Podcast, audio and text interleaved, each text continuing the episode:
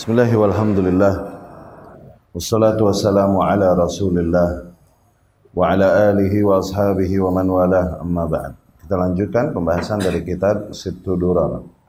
Ya.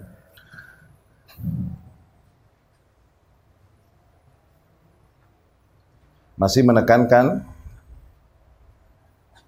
Asal yang pertama yaitu ikhlas kepada Allah subhanahu wa ta'ala kita sampai kepada perkataan Syekh Hafizahullah dan beliau membawakan ayat-ayat Allah Subhanahu wa taala tentang kewajiban bertauhid dan memprioritaskan tauhid atas segala hal.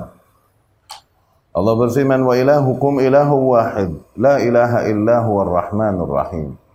Dan Tuhan kalian adalah Tuhan yang satu. Tiada Tuhan melainkan ia yang maha pengasih lagi maha penyayang. Halaman 15 yang pakai kitab halaman 15. Walaqad ba'athna Allah pun berfirman walaqad ba'athna fi kulli ummatin rasulan an i'budullaha wajtanibut taghut. Dan demikianlah telah kami utus pada setiap umat seorang rasul untuk menyeru agar beribadah kepada Allah Subhanahu wa taala dan menjauhi taghut. Dan tauhid adalah kullu ma yu'badu min dunillah. Segala hal yang disembah selain Allah. Allah pun Subhanahu wa taala berfirman, "Wa ma arsalna min qablika min rasulin illa nuhi ilaihi annahu la ilaha illa ana fa'budun." Dan tidaklah kami utus seorang pun sebelum engkau wahai Muhammad di antara utusan-utusan kami kecuali pasti kami wahyukan kepadanya bahwasanya tiada Tuhan melainkan aku. Fa'budun, maka sembahlah aku. Wa qawluhu dan Allah pun berfirman, Wa'budullaha wa la tusyriku bihi syai'a. Dan beribadahlah kalian hanya kepada Allah. Dan janganlah kalian persekutukan Allah dengan satu hal pun. Qala Asy-Syaikh Mubarak Al-Mili, amin Jam'iyyah Al-Ulama Al-Muslimin Al-Jazairiyin, Syekh Mubarak Mili, ya. Beliau adalah ketua Persatuan Para Ulama Kaum Muslimin Al-Jazair. Falam yaktafi fi syahadataini bitauhid al-mujarrad. Maka tidaklah cukup okay, di dalam kedua kalimat syahadat tersebut hanya dengan tauhid. Hatta sarraha binafyi ta'addud.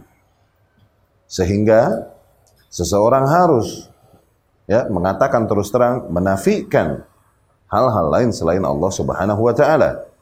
Wa hasara at-tasyri' fi syakhsil mursal bitabligh. Dan juga seseorang harus menegaskan bahwasanya syariat hanya berpatokan kepada seorang individu yang memang hanya diutus Allah oleh Allah Subhanahu wa taala dan diperintahkan untuk menyampaikannya. Yakni maksudnya adalah di dalam untuk pengabsahan syahadat adalah tidak cukup hanya ketika seseorang mengatakan Allah adalah sesuatu yang disembah. Tidak. Dia mesti juga mengingkari sesembahan-sesembahan lain selain Allah Subhanahu wa taala. Dan gak cukup hanya di situ, dia pun harus menegaskan bahwasanya syariat itu hanya mengikuti ajaran seorang yang memang diutus oleh Allah Subhanahu wa taala untuk menyampaikannya, yakni ajaran Rasulullah sallallahu alaihi wasallam. Inilah hakikat dari makna La ilaha illallah dan Muhammad Rasulullah. Ya. Wa syirku huwa awlal muharramat allati yanhallahu anha. Maka kesyirikan adalah hal yang haram yang paling utama yang Allah Subhanahu wa taala larang. Ya, sebagaimana Allah Subhanahu wa taala firmankan, "Qul ta'alu atlu ma harrama rabbukum 'alaikum." Katakanlah kepada mereka Kemarilah kalian agar aku bacakan atas kalian apa-apa yang diharamkan oleh Rabb kalian atas kalian. Yang pertama, Allah tusyriku bihi syai'an. Agar jangan kalian persekutukan Allah Subhanahu wa taala dengan satu hal pun. Wa awwal wasiyatin qaddamaha Luqman libni. Ya, dan juga hal tersebut adalah wasiat yang paling pertama yang diberikan oleh Luqman kepada anaknya. Ia berkata, Ya bunayya la tusyrik billah, wahai anakku, janganlah kau persekutukan Allah Subhanahu wa taala, inna syirka la dhulmun azim. Sesungguhnya kesyirikan adalah kezaliman yang sangat besar. Ya. wahtimamat wahtimamat an-nas tatafawat. Namun perhatian manusia ini berbeda-beda satu sama lain. Inama tu'lam minhum inda hashrajatir ruh. Kita dapat ketahui keresahan mereka yang paling utama, keresahan seorang manusia yang paling utama atau perhatian mereka yang paling utama adalah ketika ruh keluar dari dirinya, yakni pada saat ajal menjemputnya. Ya. Fi wasiyatil mayyit lil hayy, pada wasiatnya kepada orang yang masih hidup.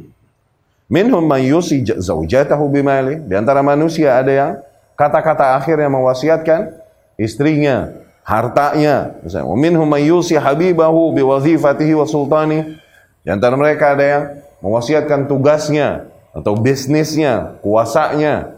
Wa minhum may yusi waladahu bi ikhwani. Di antara mereka ada yang mewasiati anak-anaknya untuk kepada saudara yang satu sama lain supaya damai. Begitu. Wa afdaluhum, namun bagaimanapun yang paling mulia di antara manusia, mayyusi al-abda bi. Yaitu mereka yang mewasiati ya manusia yang masih hidup untuk bertakwa kepada Allah Subhanahu wa taala. Walidzalika kana tauhid wasiyatul anbiya. Maka dari situlah tauhid adalah wasiat para nabi alaihi wassalatu wassalam inda mautihim ketika mereka mati. Mereka mesti mewasiatkan anak-anaknya untuk bertau bertauhid dan menjauhi kesyirik, kesyirikan. Allah berfirman, "Wa wasa biha Ibrahim bani wa Yaqub." Demikianlah diwasiatkan oleh Ibrahim kepada anak-anaknya dan juga diwasiatkan oleh Yaqub kepada anak-anaknya. Ya baniya, wahai anak-anakku, inna Allah astafa lakumuddin fala tamutunna illa wa antum muslimun. Sesungguhnya Allah telah pilihkan bagi kalian agama.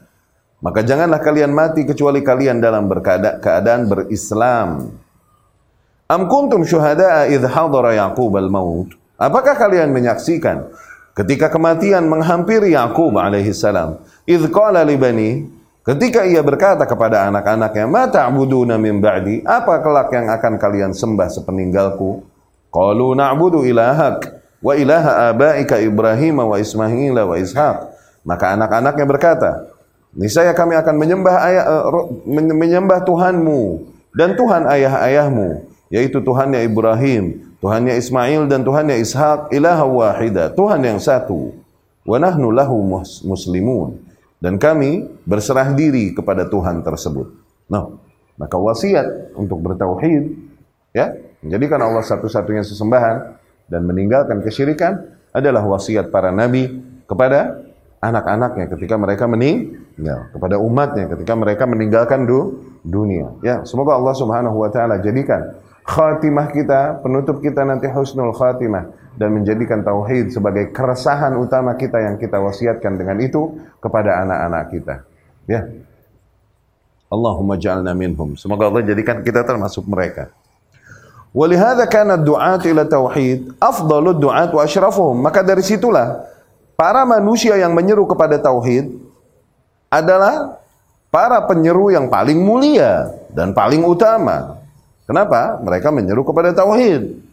Dikarenakan ad-da'wah ila tauhid hiya da'wah ila a'la darajatil iman. Dikarenakan praktek seruan kepada tauhid adalah praktek seruan kepada level iman yang paling tinggi. Fa'an Abi Hurairah ta'anin Nabi sallallahu alaihi wasallam. Dari Abu Hurairah dari Nabi sallallahu alaihi wasallam qal Nabi bersabda Al-imanu bid'un wa sab'un atau bid'un wa sittuna syu'bah Iman itu terdapat 70-an atau 60-an cabang. Fa'afdaluha dan yang paling tinggi dari bentuk keimanan adalah la ilaha illallah. Wa adapun yang paling rendah adalah imatatul adza 'anil tariq, menyingkirkan hal-hal yang mencelakakan dari jalanan. Wal haya dan malu adalah syu'batun min syu'abil iman, salah satu cabang di antara cabang-cabang keiman, keimanan. Tuh. Maka yang paling prioritas, paling tinggi, paling utama adalah tauhid di antara bentuk keiman, keimanan. Ya. Masalah akhlak dan lain-lain itu permasalahan penting, penting. Termasuk bentuk keimanan, ya, dikarenakan iman adalah perkataan dan ama, amalan dan keyakinan hati itu. Akhlak ini termasuk amalan, maka termasuk keima, keimanan. Iya, betul. Tapi bukan yang paling prioritas, apalagi demi akhlak. Kita kemudian menomorduakan atau menomortujuhkan yang tauhid. Nah, itu ngaco. Sebagaimana yang diserukan oleh kaum sufi. Eh? Mereka akan menyuruh terus kepada akhlak, akhlak, akhlak yang mulia. Kalaupun mereka nyungsep di kuburan. No. Bahkan mereka akan menyalahkan kaum yang mengingkari kesyirikan yang terjadi, mengingkari bid'ah yang terjadi dengan nama apa? Dengan nama akhlak. Ya, akhlak kaum tersebut buruk, suka nyalah-nyalahin kaum muslimin. Ya salam. Suka menghina ibadah yang dilakukan kaum muslimin. Terlihat dengan nama akhlak. Ini kusutnya skala prioritas mereka di dalam beris berislam. Harusnya yang lebih utama dan lebih mereka perhatikan adalah pada pada tauhidnya, penegasan bahwa Allah satu-satunya zat yang diibadahi dan mengingkari praktek-praktek kesyirikan. Itu dan itulah akhlak yang paling mulia ketika kau penuhi kewajibanmu kepada Allah dan penuhi hak-hak Allah atasmu. Tuh, itu akhlak yang paling mulia justru sebenarnya. Ya? Lihat, menyingkirkan duri dari jalan itu akhlak, akhlak menyingkirkan hal-hal yang mencelakakan dari jalan, ini mulia nggak? Mulia. Termasuk bentuk ah, akhlak. Lihat. Namun tetap di antara cabang-cabang keimanan itu adalah yang paling rendah. Jadi semanis apa pun akhlak seseorang, ketika ia berangkat dari tauhid yang rusak, maka tak ada artinya. Semanis apa pun akhlak seseorang, tapi ketika ia mentolerir kesyirikan yang bisa ia ingkari, dia mampu ingkari, maka nggak ada artinya. Enggak? kebalik gitu ya Qala An-Nawawi rahimahullah Al-Imam An-Nawawi rahimahullah berkata Qad nabbaha sallallahu alaihi wasallam ala anna afdalahat tauhid al-muta'ayyan ala kulli ahad. Di sini Nabi telah tegaskan bahwasanya yang paling mulia di antara bentuk keimanan adalah tauhid yang kewajibannya atas setiap individu. Tuh al-muta'ayyan yakni jadi fardu ain. Muta'ayyan ala kulli ahad. Yang kewajiban tauhid tersebut menjadi kewajiban atas setiap individu. Walladzi la yasihhu syai'un minasyu'ab illa ba'da sihhatih. Yang di mana bentuk-bentuk cabang-cabang keimanan yang lain itu tidaklah sah, tidaklah benar, tidaklah diterima oleh Allah kecuali berangkat dari sah atau benarnya tauhidnya. Menyingkirkan duri dari jalan termasuk bentuk keimanan? Oke, okay. sehari ente menyingkirkan duri dari jalan seribu misalnya. Nanti jadikan ini rutinitas sehari-hari. Seribu duri kau singkirkan dari jalan sehari. No. Tapi diiringi dengan itu juga terjadi kesyirikan padamu, maka nggak ada artinya. Malu adalah cabang dari keimanan. Seseorang yang sangat pemalu dia. Dia punya nilai keimanan? Okay. Tapi terjadi padanya praktek kesyirikan atau keyakinan yang syirik, maka kemalunya itu Nggak ada artinya. Ya, malu-maluin. Ya, kok bisa dia malu sama makhluk, tapi nggak malu mempersekutukan Allah Subhanahu Wa Taala? Kok bisa dia malu sama makhluk, sementara dia nggak malu melihat Allah Subhanahu Wa Taala dipersekutukan? Dia santai aja, dia tolerir. Kok bisa malu dia? Itu malu-maluin. Malu-maluin. Ya, Tidaklah sah cabang keimanan apa pun apabila berangkat dari rusaknya tau tauhid. Qultu aku berkata, yani Syekh hafizahullah. Bal hadhihi syu'ab la tumbit fi qalbi imri'in wa la tuthmir ala jawarihi illa bihasab ma qama bil 'abdi li hadhihi al kalimah at-tayyibah min ma'anin. Bahkan semua cabang-cabang ini tidaklah menimbulkan apa pun di hati seorang hamba tidaklah menjadikan efek apa pun di dalam perilaku yang dilakukan oleh fisiknya sehari-hari kecuali sekedar eh, kecuali hanya sebatas makna-makna yang dia benar-benar fahami dari kalimat tauhid. Ya. Walianna islah tauhid min ad-din bimathabah islah al-qalb min al-jasad. Dan dikarenakan perbaikan tauhid di dalam agama ini itu sama posisinya seperti perbaikan hati di antara tubuh ini. Oh, Yani apabila rusak hati maka rusak seluruh tuh tubuh. Apabila benar hati maka benar seluruh tuh tubuh. Demikian pula tauhid. Apabila rusak tauhid, maka rusaklah semua bentuk beragamamu dan ibadahmu. Apabila benar tauhidnya, maka insya Allah benar semuanya. Sebagaimana yang Rasul katakan sallallahu alaihi wasallam, "Ala wa inna fil jasadi mudghah." Ketahuilah bahwasanya di dalam jasad terdapat segumpal darah yang idza saluhat saluhal jasadu kullu. Yang kalau segumpal darah itu benar, maka insya Allah fisik semua jadi benar. Wa idza fasadat, namun apabila segumpal darah tersebut rusak, fasadal jasadu kullu, maka rusaklah seluruh tubuh. Ala wahiyal qalb. Ketahuilah bahwasanya segumpal darah itu adalah hati. Wa fihi dalil wadih ala anna islahat tauhid dan di dalam hal ini terdapat keterangan yang nyata bahwasanya perbaikan tauhid Alladhi yantalik asluhu minal qalb yang di mana itu semua berangkat dari hati huwa aslu kulli islahin wa a'zamuh. Perbaikan tauhid adalah sumber dari semua bentuk perbaikan dan bentuk perbaikan yang paling mulia.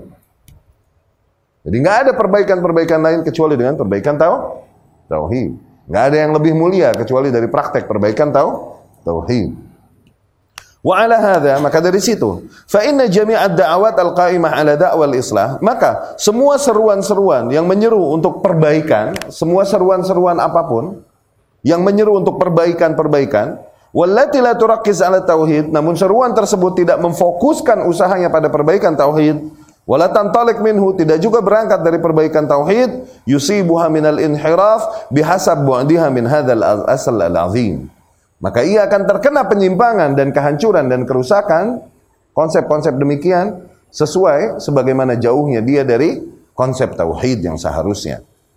Kalladzina afnau a'marahum fi islah muamalatil khalq. Seperti mereka, kaum yang menghabiskan usia mereka demi menyeru kepada perbaikan muamalah, yakni menyeru kepada akhlak yang baik. Ya? Mereka terus dakwahnya difokuskan kepada perbaikan akh akhlak katanya. Wa muamalatuhum lil khaliq sementara akhlak mereka kepada zat yang maha pencipta mujanib li hadis salaf itu bertentangan dengan petunjuk salafus saleh. Maka percuma seruan mereka. Atau kalladzina afnau a'marahum fi musawalah anzimah al-hukam bughyah islahin nas min tariqiha. Atau seperti kaum yang menghabiskan usia hidup mereka demi apa? Demi menyerukan perbaikan pada barisan-barisan penguasa yang ada dan berusaha untuk melakukan perbaikan umat dari apa? Dari jalur penguasa dengan cara meraih kekuasaan yang ada. Mereka menghabiskan usia hidupnya di situ. Bimu'alaja anwa' minas siyasat. Mereka mencoba memperbaiki manusia dengan cara politis, ya, dengan cara-cara politis.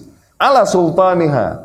Dengan cara meraih kuasa atas rakyat wala yaktarithuna al-fasad li fasad aqidatihim wa aqidah mad'uwihim dan mereka tidak memberikan fokus atau perhatian kepada rusaknya akidah mereka atau akidah rakyat yang mereka seru. Mereka enggak pedulikan hal itu. Fa kaifa idza kanu li asbab hizbiyyah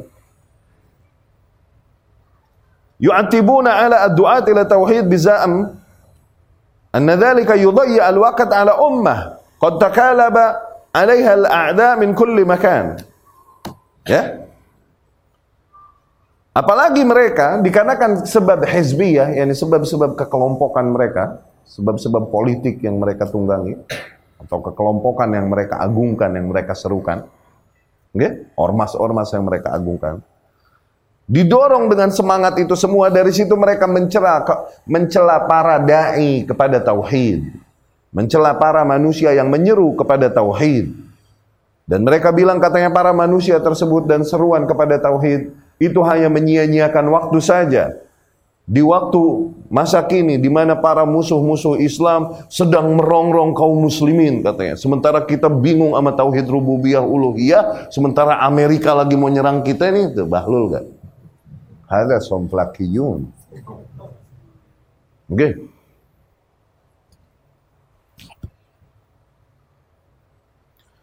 Seruan kepada tauhid mereka bilang membuang-buang waktu. Terutama di masa ini yang di mana musuh sedang mengancam kaum muslimin. Wa yushanni'un 'ala al-mudafi'in 'ala janab at-tauhid. Dan mereka terus mencela-cela manusia yang menyeru dan membela tauhid. Bizam anna dzalika yufarriq al-muslimin. Mereka katakan bahwasanya seruan kepada tauhid itu justru memecah belah kaum muslimin. Ya salam. Yani dengan kita mengingkari kesyirikan yang dilakukan oleh sebagian kaum, dibilang kita ini mecah belah umat Islam. Oke? Walau lam yajma'hum illa ibadah lausan. Pokoknya kita harus bersatu. Kalaupun bersatu di atas kuburan nyungsep bareng-bareng, katanya begitu. Wa yusammuna adzab an haqqillah bighairi ismihi litanfir minhu. Fayaqulun muhatarat kalamiyah atau munaqashat bizantiyah wa na'udzu billahi min sakhatih. Mereka terus mencela dan mendiskreditkan manusia yang membela hak Allah, yakni untuk ditauhidkan. Dengan semua-semua ungkapan yang mendiskreditkan, dibilang Wahabi, dibilang uh, munakosyat Bizantiyah, ya ini diskusi kita tentang tauhid ini hanyalah diskusi yang buang-buang waktu katanya. Sebagaimana kaum Romawi ahli filsafat dulu pada berdiskusi tentang Tuhan. La haula wala quwata illa billah. Terus mendiskreditkan manusia, yakni kaum yang menyeru kepada tauhid dengan semua julukan-julukan yang buruk demikian. Ya, dikarenakan apa? Dikarenakan kesemangatan kelompok mereka dan program yang ada pada mereka. Hadza nahik amman yad'u ila akidah fasidah, apalagi kelompok yang lebih parah. Ya, mereka tidak menyerukan kepada politik, menyerukan kepada akidah. Tapi akidah yang mereka serukan adalah akidah yang rusak. Ini lebih parah doi. Ya. Yushanni ala mukhalifi. Mereka mencela orang-orang yang tidak sesuai dengan akidahnya. Ya, Fa innahu la majala li ta'arrud lahu hahuna. Nah, kalau yang kayak gini sih kita udah nggak ada waktu ngebahas yang beginian dah gitu. Kata Syekh Habibullah. Ya. Lianna asasuhu fasid. Dikarenakan apa? Mereka berangkat dari pondasi yang sudah rusak. Walihada kana Nabi sallallahu alaihi wasallam maka dari situlah Nabi sallallahu alaihi wasallam yuakkid ala duat al-ihtimam bihadzal amr wal bad'i bih. Demikian pula yang ditekankan Nabi sallallahu alaihi wasallam kepada para dai-nya Ya, ditekankan untuk memberikan perhatian kepada poin ini, kepada tauhid dan memulai dengan poin ini, dia ini memulai dengan tau tauhid di dalam dakwahnya. Sebagaimana yang diriwayatkan dari Ibnu Abbas radhiyallahu anhu. Rasul sallallahu alaihi wasallam berkata kepada Muaz bin Jabal, "Hina ba'athahu ila Yaman," ketika Rasul mengutus Muaz ke Yaman. Rasul berkata kepada Muaz, "Innaka sata'ti qauman ahla kitab." Sesungguhnya engkau wahai Muaz akan mendatangi kaum yang merupakan dari golongan ahlul kitab. Fa'idha ji'tahum fad'uhum ila an yashhadu an la ilaha illallah wa anna muhammadar rasulullah. Apabila mereka kau mendatangi mereka, maka jadilah yang pertama kali kau seru agar mereka bersaksi bahwa la ilaha illallah dan Muhammad Rasulullah. Falyakut dan kemudian di dalam jalur lain, yakni di dalam sanad lain Rasul berkata sallallahu alaihi wasallam, "Falyakun awwala ma tad'uhum ilaihi ibadatullah." Maka agar hal pertama yang kau seru mereka kepadanya adalah agar beribadah hanya kepada Allah Subhanahu wa taala. Di dalam sanad lain juga dikatakan ayyuhidullah agar hal pertama yang kau serukan mereka agar mereka mentauhidkan Allah Subhanahu wa taala. Tuh lihat. Jabdesnya seorang Dai. Habis jabdes kan? Apa dulu yang disuruhkan? Tauhid dulu. Itu dulu serukan. Ya? Baru saudara fa inhum ata'uka lidzalik apabila mereka mentaatimu untuk hal itu yakni bertauhid, okay? Akhbirhum anna Allah qad farrada alaihim khamsa salawatin fi kulli yaumin wa lailah. Baru sampaikan pada mereka bahwasanya Allah telah wajibkan atas mereka lima waktu salat sehari semalam. Fa inhum ata'u laka. Apabila mereka telah mentaatimu untuk hal itu, yakni udah bertauhid. Kemudian udah sah, salat. Akhbirhum, sampaikan pada mereka anna Allah qad farrada alaihim sadaqatan tu'khadhu min aghniyaihim faturaddu ala fuqaraihim. Katakan pada mereka bahwasanya Allah telah wajibkan atas mereka sebuah bentuk sodakoh yang diambil dari orang-orang kaya di antara mereka diberikan kepada orang-orang fakir yang ada di antara mereka. Fa'innahum ata'u laka bidzalik. Dan apabila mereka telah taati itu, Fa'iyyaka wa qara'im amwalihim. Maka jauhilah olehmu harta-harta mereka. Wattaqi da'watal mazlum dan hati-hatilah kau dari doa orang yang dizalimi. Ah. Fa'innahu laysa bainaha wa bainallahi hijab. Sesungguhnya tak ada hijab antara doa orang yang dizalimi dengan Allah Subhanahu wa taala. Yani enggak ada perantara, langsung Allah dengar. Ya, kalau mereka meminta membalaskan bahkan di sanad lain hatta walau kana al-mazlumu kafiran. Kalaupun orang yang dizalimi tersebut orang yang kafir dan dia minta balas kepada Allah Subhanahu wa taala, Allah balas itu. Kenapa? Dia dizalimi. Hah? Hati-hati dengan doa orang yang dizalim. Gak ada hijab antara doa mereka dengan Allah. Kalaupun yang dizalimi adalah seorang kafir. Karena demikian keadilan Allah di alam semesta. Kekafiran mereka Allah balas di akhirat nanti. Tapi masalah adil adalah masalah hukuk wal wajibat, hak-hak dan tanggung jawab. Ya. Allah yahdihim. Semoga Allah kasih hidayah mereka. Ya.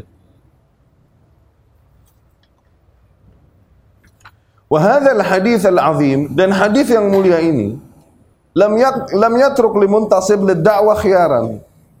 Hadis yang mulia ini tidak memberikan option lain bagi seorang yang bergerak di medan dakwah. Nggak meninggalkan pilihan lain. Juga. Tertutup semua pilihan kecuali harus mentaati hal ini. Ya, qala Allah azza wa jal. Allah Subhanahu wa taala berfirman, "Wa ma kana lil mu'minin mu'minatin idza qada Allah wa rasuluhu amran yakuna lahumul khiyaratu min amrihim." Tidak pantas bagi seorang mukmin atau seorang mukminah apabila Allah dan Rasulnya telah tentukan perkara, kemudian mereka pilih option-option lain dari apa yang diperintahkan. Tidak pantas. Wa may ya'sillaha wa rasulah, dengan itu mereka telah memaksiati Allah dan barang siapa yang memaksiati Allah dan Rasulnya, faqad dhalla dhalalan. Maka sungguh mereka telah sesat dengan kesesatan yang nyata. Yani hadis Rasul ini, perintah Rasul kepada Muaz bin Jabal, ini jelas menjelaskan juklak seorang dai. Nggak ada pilihan lain. Mau bergerak di bidang dakwah, maka juklakmu sebagaimana juklak yang Rasul berikan kepada Muaz bin Jabal. Radiyallahu Apa juklaknya? Juklak kan jabdes kan? Jabdesmu sebagaimana yang diberikan pada Muaz bin Jabal. Nggak ada pilihan lain. Dan demikian orang yang beriman. Ketika Allah dan Rasulnya telah menentukan perkara, nggak pantas dia ngambil jalan lain. Nggak pantas dia coba ngeles-ngeles. Nggak pantas dia coba cari jalan pintas. Ya. Wa ma ba'lun nasi yu'jabun atau yu'jibuna min hadhihi al-awwaliyah wa haqqullahi fi an yu'bada wahdahu ahaq ma ishra'abat ilaihi al-a'naq wa lahajat bihi al-alsun. Kenapa sih kok masih ada manusia yang nggak terima dengan ketegasan nilai ini yang kita yakini? Masih aneh dengan poin ini yang kita tegaskan.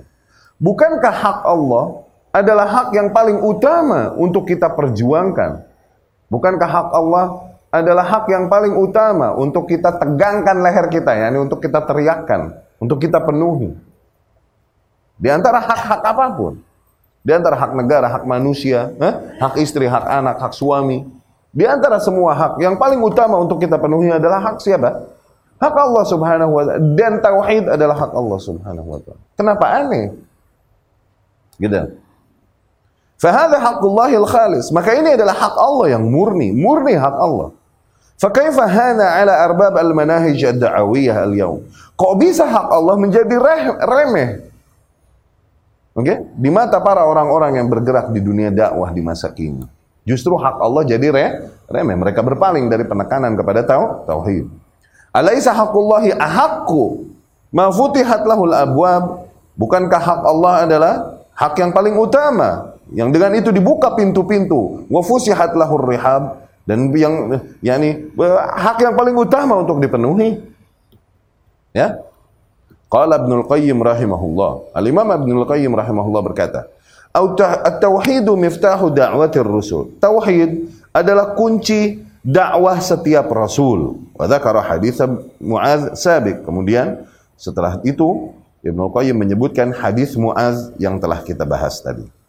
Ya, tauhid adalah kuncian dakwah setiap rasul.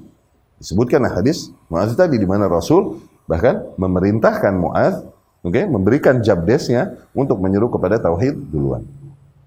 Wa huwa da'watuhum jami'an dan tauhid adalah dakwah mereka semua alaihi wassalatu wassalam. Fala wasa'allahu sadran daqa bidzalika zara'an. Maka tidaklah Allah lapangkan sebuah hati yang menyempit untuk nilai untuk nilai tauhid tersebut kalaupun hanya sejengkal. Ya. Yani hati ketika mereka masih belum menerima kewajiban dakwah kepada tauhid ini, okay, maka Allah tak luaskan hati demikian. Qala Allah Ta'ala, Allah berfirman, Laqad arsalna Nuhan ila qaumi Sungguh kami telah utus Nuh kepada kaumnya. Faqala ya kaum. Nuh pun berkata, wahai kaumku, Ubudullah, ibadahilah Allah, malakum min ilahin ghairuh. Sungguh kalian tak memiliki Tuhan selain Allah subhanahu wa ta'ala. Waqal, Allah pun berfirman, wa ila adin akhahum huda. Dan kepada kaum Ad, saudara mereka Hud, yakni Allah seutus Nabiullah Hud alaihi salam kepada kaum Ad. Qal, Hud berkata kepada kaumnya, Ya qaumi, wahai kaumku, U'budullaha ma lakum min ilahin ghairuh. Sembahlah Allah, sungguh kalian tak memiliki Tuhan lain selainnya. Waqal, dan Allah pun berfirman, Wa ila Thamud, dan kepada kaum Thamud, Akhahum saliha, saudara mereka salih. Qal, Ya qaumi i'budullah. Ia berkata, wahai kaumku beribadahlah kalian kepada Allah, ma lakum min ilahin ghairuh. Sungguh kalian tak memiliki Tuhan lain selainnya. Waqal Allah berfirman, "Wa ila Madyan akhahum Syuaib." Dan kepada kaum Madian Allah utus saudara mereka, yakni Syuaib alaihi salam. Ia berkata, "Ya qaumi ibudullaha ma lakum min ilahin ghairuh." Wahai kaumku beribadahlah kalian kepada Allah, sungguh kalian tak memiliki tuhan lain selainnya. Wahakadha mahma ikhtalafatil umam. Demikianlah, kalaupun umat-umat tersebut berbeda-beda, watabayanat masyakiluha. Kalaupun umat-umat tersebut memiliki permasalahan yang berbeda-beda, fa inna da'wah ila tauhid hiyal asal. Tapi tetaplah seruan kepada tauhid adalah seruan yang paling utama dan harus diutamakan. Permasalahan apa pun yang dialami oleh kaum tersebut, tetap yang diseru kepada tauhid. Sawa kanat muskilatuhum iqtisadiyah kama fi ahli Madian. Kalaupun permasalahan kaum tersebut adalah permasalahan ekonomi sebagaimana yang ada pada kaum Madian. No, tetap nabi yang diutus pada mereka menyerunya kepada tauhid. Kalaupun permasalahan mereka adalah permasalahan moral, khuluqiyah sebagaimana yang kaum Lut. Kaum Lut ini jeruk makan jeruk. Itu kan permasalahan moral kan? Ya kan? Tapi seruan Lut alaihissalam ke mana? Tetap kepada tauhid juga. Ya. Walasta bihaja ila anaku, walastu bihaja. Maka aku tak perlu lagi aku maka tak perlu lagi aku katakan, kata Syekh. Au kanat sia-sia. Kalau misalnya masalah kaum tersebut adalah masalah politik, nggak usah lagi aku katakan. Ya. Lianna jami' haula asy'ub, dikarenakan semua bangsa tersebut lam yakunu yahkumuna bima anzalallah. Bukankah semua bangsa tersebut Madian, eh? Ad, Thamud, semuanya mereka tidak berhukum dengan hukum Allah Subhanahu wa taala. Yang mana yang berhukum dengan hukum Allah? Tapi tetap nabi yang datang pada mereka menyerunya kepada tau tauhid. Yani sekarang nih gerakan-gerakan yang ada menyuruhnya kepada apa? Mendirikan hukum Allah, mendirikan khilafah, gitu kan? Bukan baru sekarang manusia tidak mendirikan hukum Allah itu bukan baru sekarang. Dari zaman dulu, Madian, Ad, Samud, kaum Fir'aun, itu semua tidak mendirikan hukum Allah. Tapi para nabi yang ada pada mereka, para rasul yang diutus pada mereka, menyerukan kepada perubahan hukum pemerintahan dulu dan pendirian khilafah, atau ngomongin tauhid dulu. Ya, kalau emang mau ngikutin Nabi, mau ngikutin Rasul, mau ngikutin sah sahabat. Kalau mau ngikutin itu, ya. Kalau mau ngikutin ondel-ondel atau ubur-ubur ya serah-serah. Nggak apa-apa.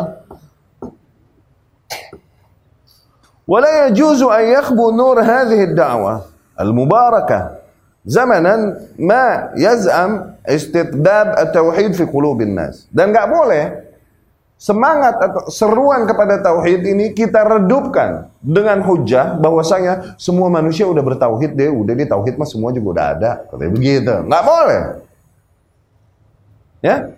Alam tasma juar Imam Al-Hunafa Al-Muwahhidin Ibrahim Al-Khalil alaihi salam. Waqad khafa ala nafsihi asyir. Tidakkah kita lihat raungan, permohonan seorang imamul hunafa, imam kaum yang bertauhid, imamnya para nabi, yakni abaknya, ayahnya para na, nabi Ibrahim alaihissalam. Dia dengan posisi dia segitunya tetap dia memohon kepada Allah Subhanahu wa taala, "Rabbij'al hadzal balada aminan." Wahai Tuhanku, jadikanlah negeri ini negeri yang aman. Wajnubni wa baniya an na'budal asnam. Dan jauhkanlah aku dan anak-anakku dari menyembah berhala. Tuh. Rabbi innahunna adlalna kathiran minan nas. Wahai Tuhanku, sesungguhnya mereka telah menyesatkan banyak manusia. Kalau imam ahli tauhid, okay, bapaknya para nabi aja, meminta perlindungan kepada Allah dari kesyirikan, dari menyembah berhala, ya dari kesyirikan kan?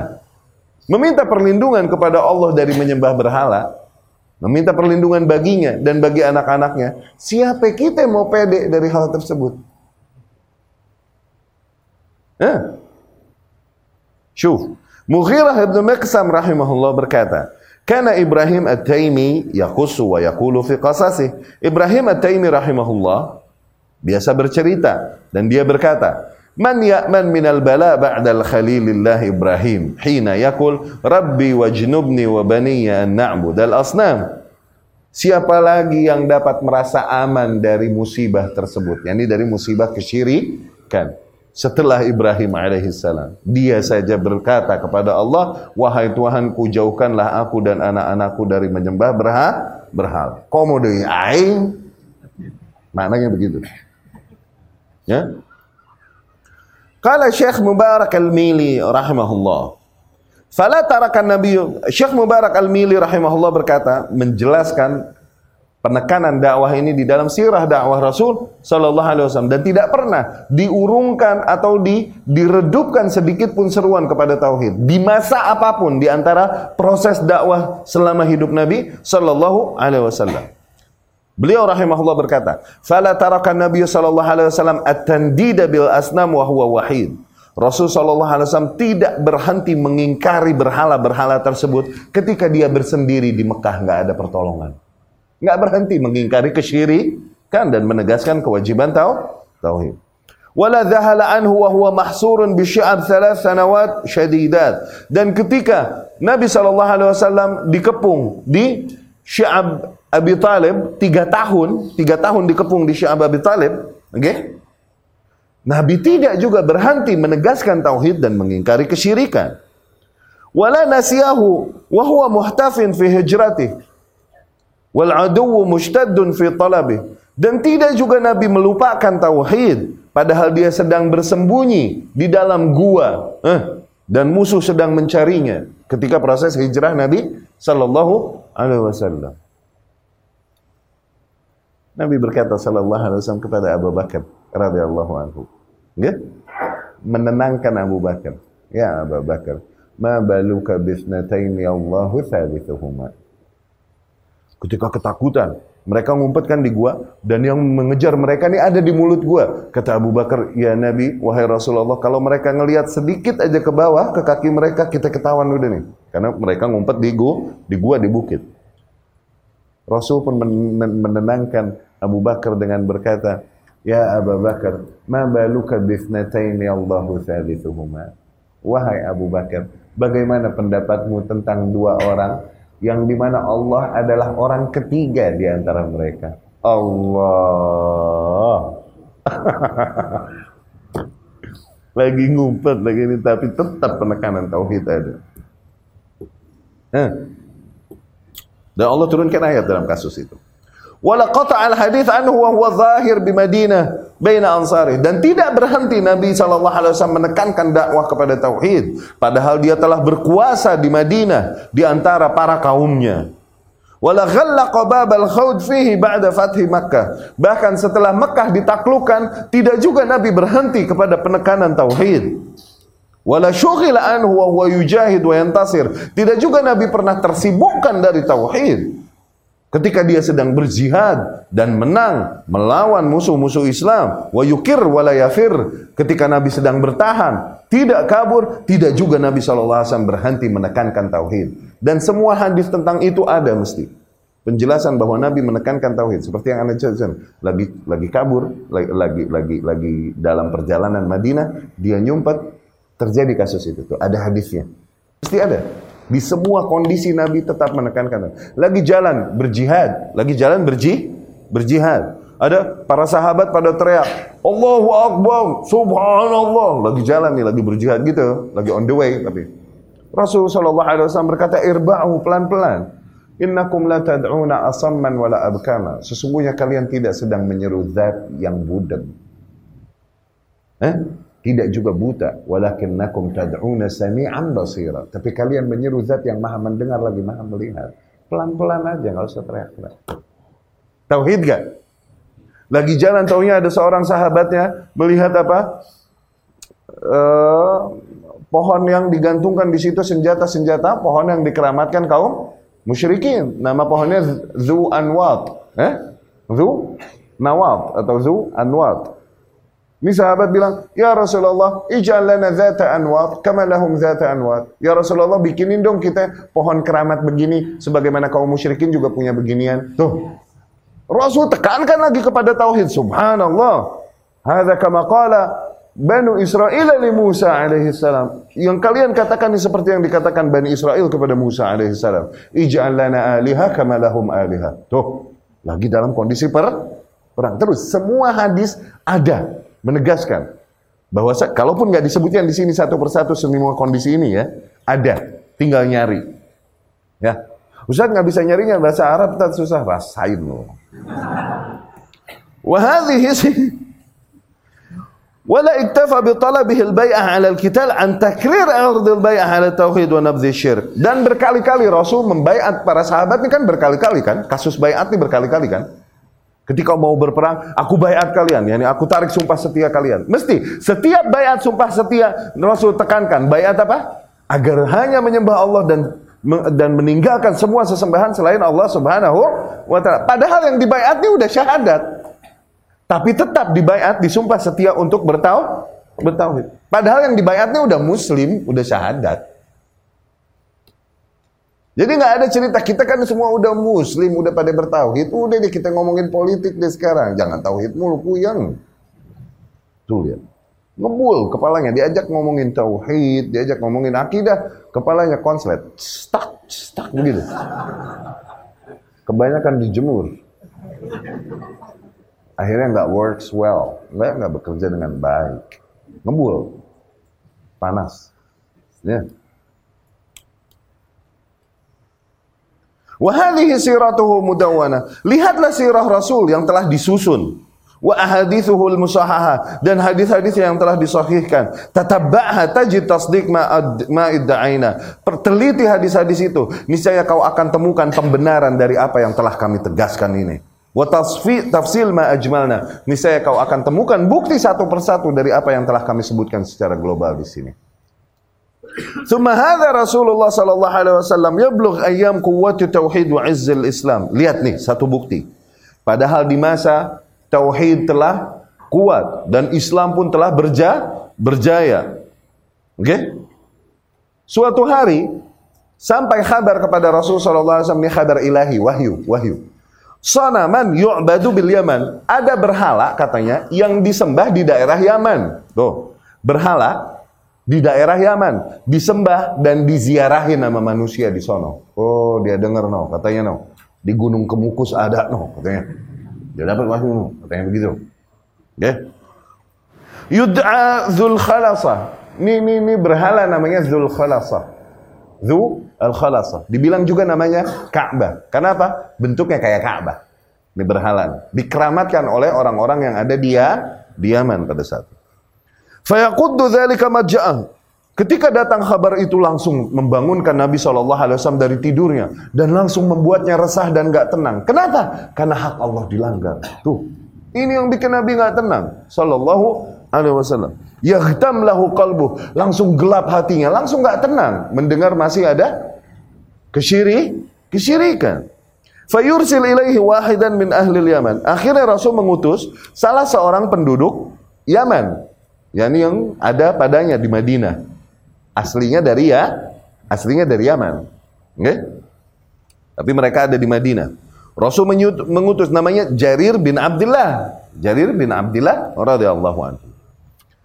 Jarir bilang menceritakan hal ini. Qala li Rasulullah sallallahu alaihi wasallam. Rasul berkata kepada aku sallallahu alaihi wasallam, "Ala turayyihuni min dzil khalasah?" Wahai Jarir, maukah kau tenangkan hatiku dari dzul khalasah? Tuh lihat.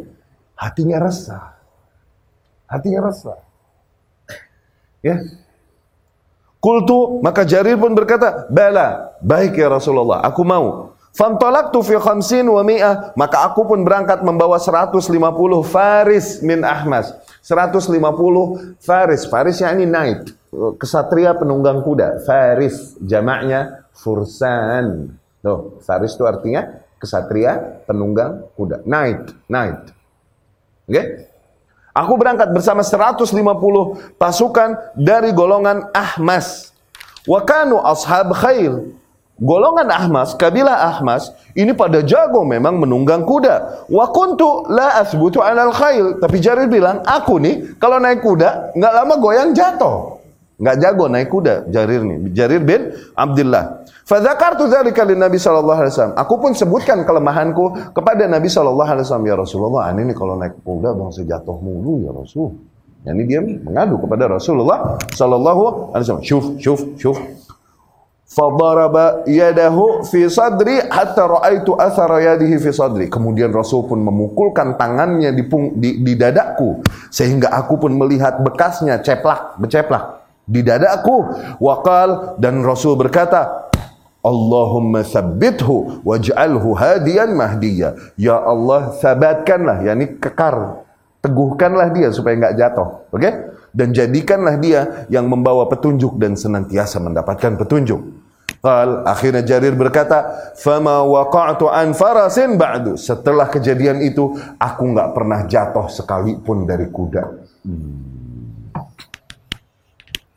Qal, ia berkata, "Wa kana Dzul Khalasa" Nah, Zulkhalasa adalah baitan bil Yaman, adalah sebuah rumah di Yaman. Li Khatham wa Bajilah, punya kabilah Khatham dan kabilah Bajilah. Fihi nusubun tu'bad, di situ ada berhala-berhala yang disembah, dikeramatin. Yuqalu lahu al-Ka'bah, dibilang berhala itu Ka'bah juga. No. Qal fa'ataha. Akhirnya Jarir sampai ke sana, langsung harraqaha binar. Jarir membakar semua berhala-berhala dan keramat-keramat itu dengan api, wa kasaroha dan dihancurkannya langsung. Qal, walamma qadima Jarirun al-Yaman dan ketika Jarir sampai Yaman, kana biha rajulun yastaqsimu bil azlam. Kasus lain lagi. Pas kebenaran sampai Yaman, di situ ada seseorang yastaqsim bil azlam, yang dipakai tulang-tulang anak panah dilempar begitu, ngeramal. Apa? Ngeramal. Pakai tulang-tulang anak panah begitu, ngebaca. Oke? Okay? Yastaqsimu bil azlam. Ada orang yang melakukan praktek tersebut di Yaman. Faqila lahu. Akhirnya orang-orang pada bilang aman tu dukun. Ini dukun nih, ini peramal nih. Oke? Okay? Pada bilang, "Inna Rasulullah Rasulillah huna." Sesungguhnya utusan dari utusan Allah, yakni Jarir bin utusan dari utusan Allah, utusan Rasulullah udah ada di sini. Fa in qadara alaika daraba unuqak. Ente kalau ketangkep sama utusan Rasul, nggak lain deh ente bangsa disabet leher ente. Yang ini dipenggal lehermu. Daraba unuqa, dihajar lehermu. Qal Fabainama huwa yadribu biha. Dan ketika pas beneran di peramal lagi melakukan praktek meramalnya itu, iz waqafa alaihi jarir. Tahu-tahu ada jarir di depannya Ibnu Abdullah al-Bajli. Faqal dia berkata kepada ni peramal, la tuksirannaha wa la tashhadanna an la ilaha illallah aw la adribanna unuqa. Kau hancurkan enggak tuh mainanmu? dan bersaksilah bahwasanya la ilaha illallah. Kalau enggak, sungguh aku akan penggal lehermu. Allah, kapan kita dapat kemuliaan itu coba? Qal fakassaraha wa syahid. Akhirnya ketakutan tuh dukun dihancurkan mainannya tersebut dan kemudian dia pun kembali bersyahadat. Thumma ba'atha Jarir rajulan min Ahmas yukna Aba Artah ila Nabi sallallahu alaihi wasallam yubashshiruhu bidzalik. Setelah selesai semua tugasnya, Jarir mengutus seseorang dari kabilah Ahmas namanya Aba Artah. Dia utus kepada Nabi sallallahu alaihi wasallam menyampaikan kabar berita gembira kepada Nabi bahwasanya tugas tersebut selesai, mission complete. Oke? Okay? Falamma ata Nabi sallallahu alaihi wasallam ketika Abu Artah mendatangi Nabi dan menyampaikannya ya Rasulullah walladzi ba'atsaka bil haqq ma ji'tu hatta taraktuha ka'annaha jamal ajrab. Ya Rasulullah demi zat yang mengutusmu dengan hak yakni demi Allah tidaklah aku pergi berangkat ke sini kecuali aku telah tinggalkan semua berhala itu seperti barang yang hangus udah habis ya nih dihabisin sama Jarir dan pasukannya. Qal akhirnya fabarrakan Nabi sallallahu alaihi wasallam Nabi pun mendoakan keberkahan atas khail ahmas atas para kuda kuda dan para penunggang daripada dari kabilah Ahmas. Dan kemudian juga eh, Nabi mendoakannya sampai lima kali. Allahumma barik Ahmas Allahumma barik Ahmas Allahumma barik Ahmas. Sampai lima kali. Tuh Nabi biasa mendoakan keberkahan itu sampai tiga kali maksimal. Ini sampai lima kali. Kenapa? Kasus yang habis ditanganin yaitu apa? Hak Allah subhanahu wa ta'ala tauhid. Faidatan dua faidah dari kasus ini Ibnu Hajar rahimahullah, yakni Ibnu Hajar al Asqalani, Ahmad bin Ali. Pada sabda Rasul sallallahu alaihi wasallam, "Ala turayyihuni?" Ketika Rasul berkata, "Maukah kau tenangkan hatiku wahai Jarir?" Al-murad birrahah rahatul qalb. Yang dimaksud tenang di sini adalah ketenangan hati. Maka syai'un at'ab liqalbi Nabi sallallahu alaihi wasallam min baqa'i ma yushraq bihi min dunillahi ta'ala. Dikarenakan tidak ada satu hal pun yang lebih membuat resah hati Nabi daripada eksisnya keberadaan sesuatu yang disembah selain Allah Subhanahu wa taala. Enggak ada lagi hal lain yang membuat Nabi lebih resah daripada kasus demikian. Yang kedua, karena min adatihi sallallahu alaihi wasallam idza alaha fi du'a da'a thalathan. Poin yang kedua, kebiasaan Nabi sallallahu alaihi wasallam kalaupun mau berlebihan di dalam doa, Rasul mendoakan sampai tiga kali sebagaimana hadis yang diriwayatkan dari Ibnu Mas'ud dan lain-lain radhiyallahu anhum. Wahahuna, tapi di kasus ini da'a Nabi sallallahu alaihi wasallam khamsan. Nabi sampai doain lima kali. Limanan iqtadha dzalik. Berarti karena ada special case di sini. Wa huwa anna janab at-tauhid a'zam ma du'iya lahu wa nusir. Dikarenakan tauhid adalah hal yang paling agung untuk diserukan dan untuk dibela. Fafham, maka fahamilah hal ini. Kata Ibnu Hajar al-Asqalani rahmat. Ya. Tapi kita cukupkan sekian. Pertemuan yang akan datang kita lanjutkan insyaallah. Semoga dapat difahami apa yang kami sampaikan. Aku lukum lihada. Afwan, habis ini ada rapat sedikit, nggak terima pertanyaan. Aku lukum lihada wa astaghfirullah li wa lakum. Uh, pengumuman udah disampaikan ya, bahwasanya minggu depan kajian, baik kajian malam atau bahasa Arab break dulu dikarenakan ada daurah ya bersama masyayikh ya ana dengan Ustaz Farid pergi ikutan daurah dulu ya Subhanakallahumma rabbana wa bihamdika asyhadu an la ilaha illa anta astaghfiruka wa atubu ilaik. Assalamualaikum warahmatullahi wabarakatuh.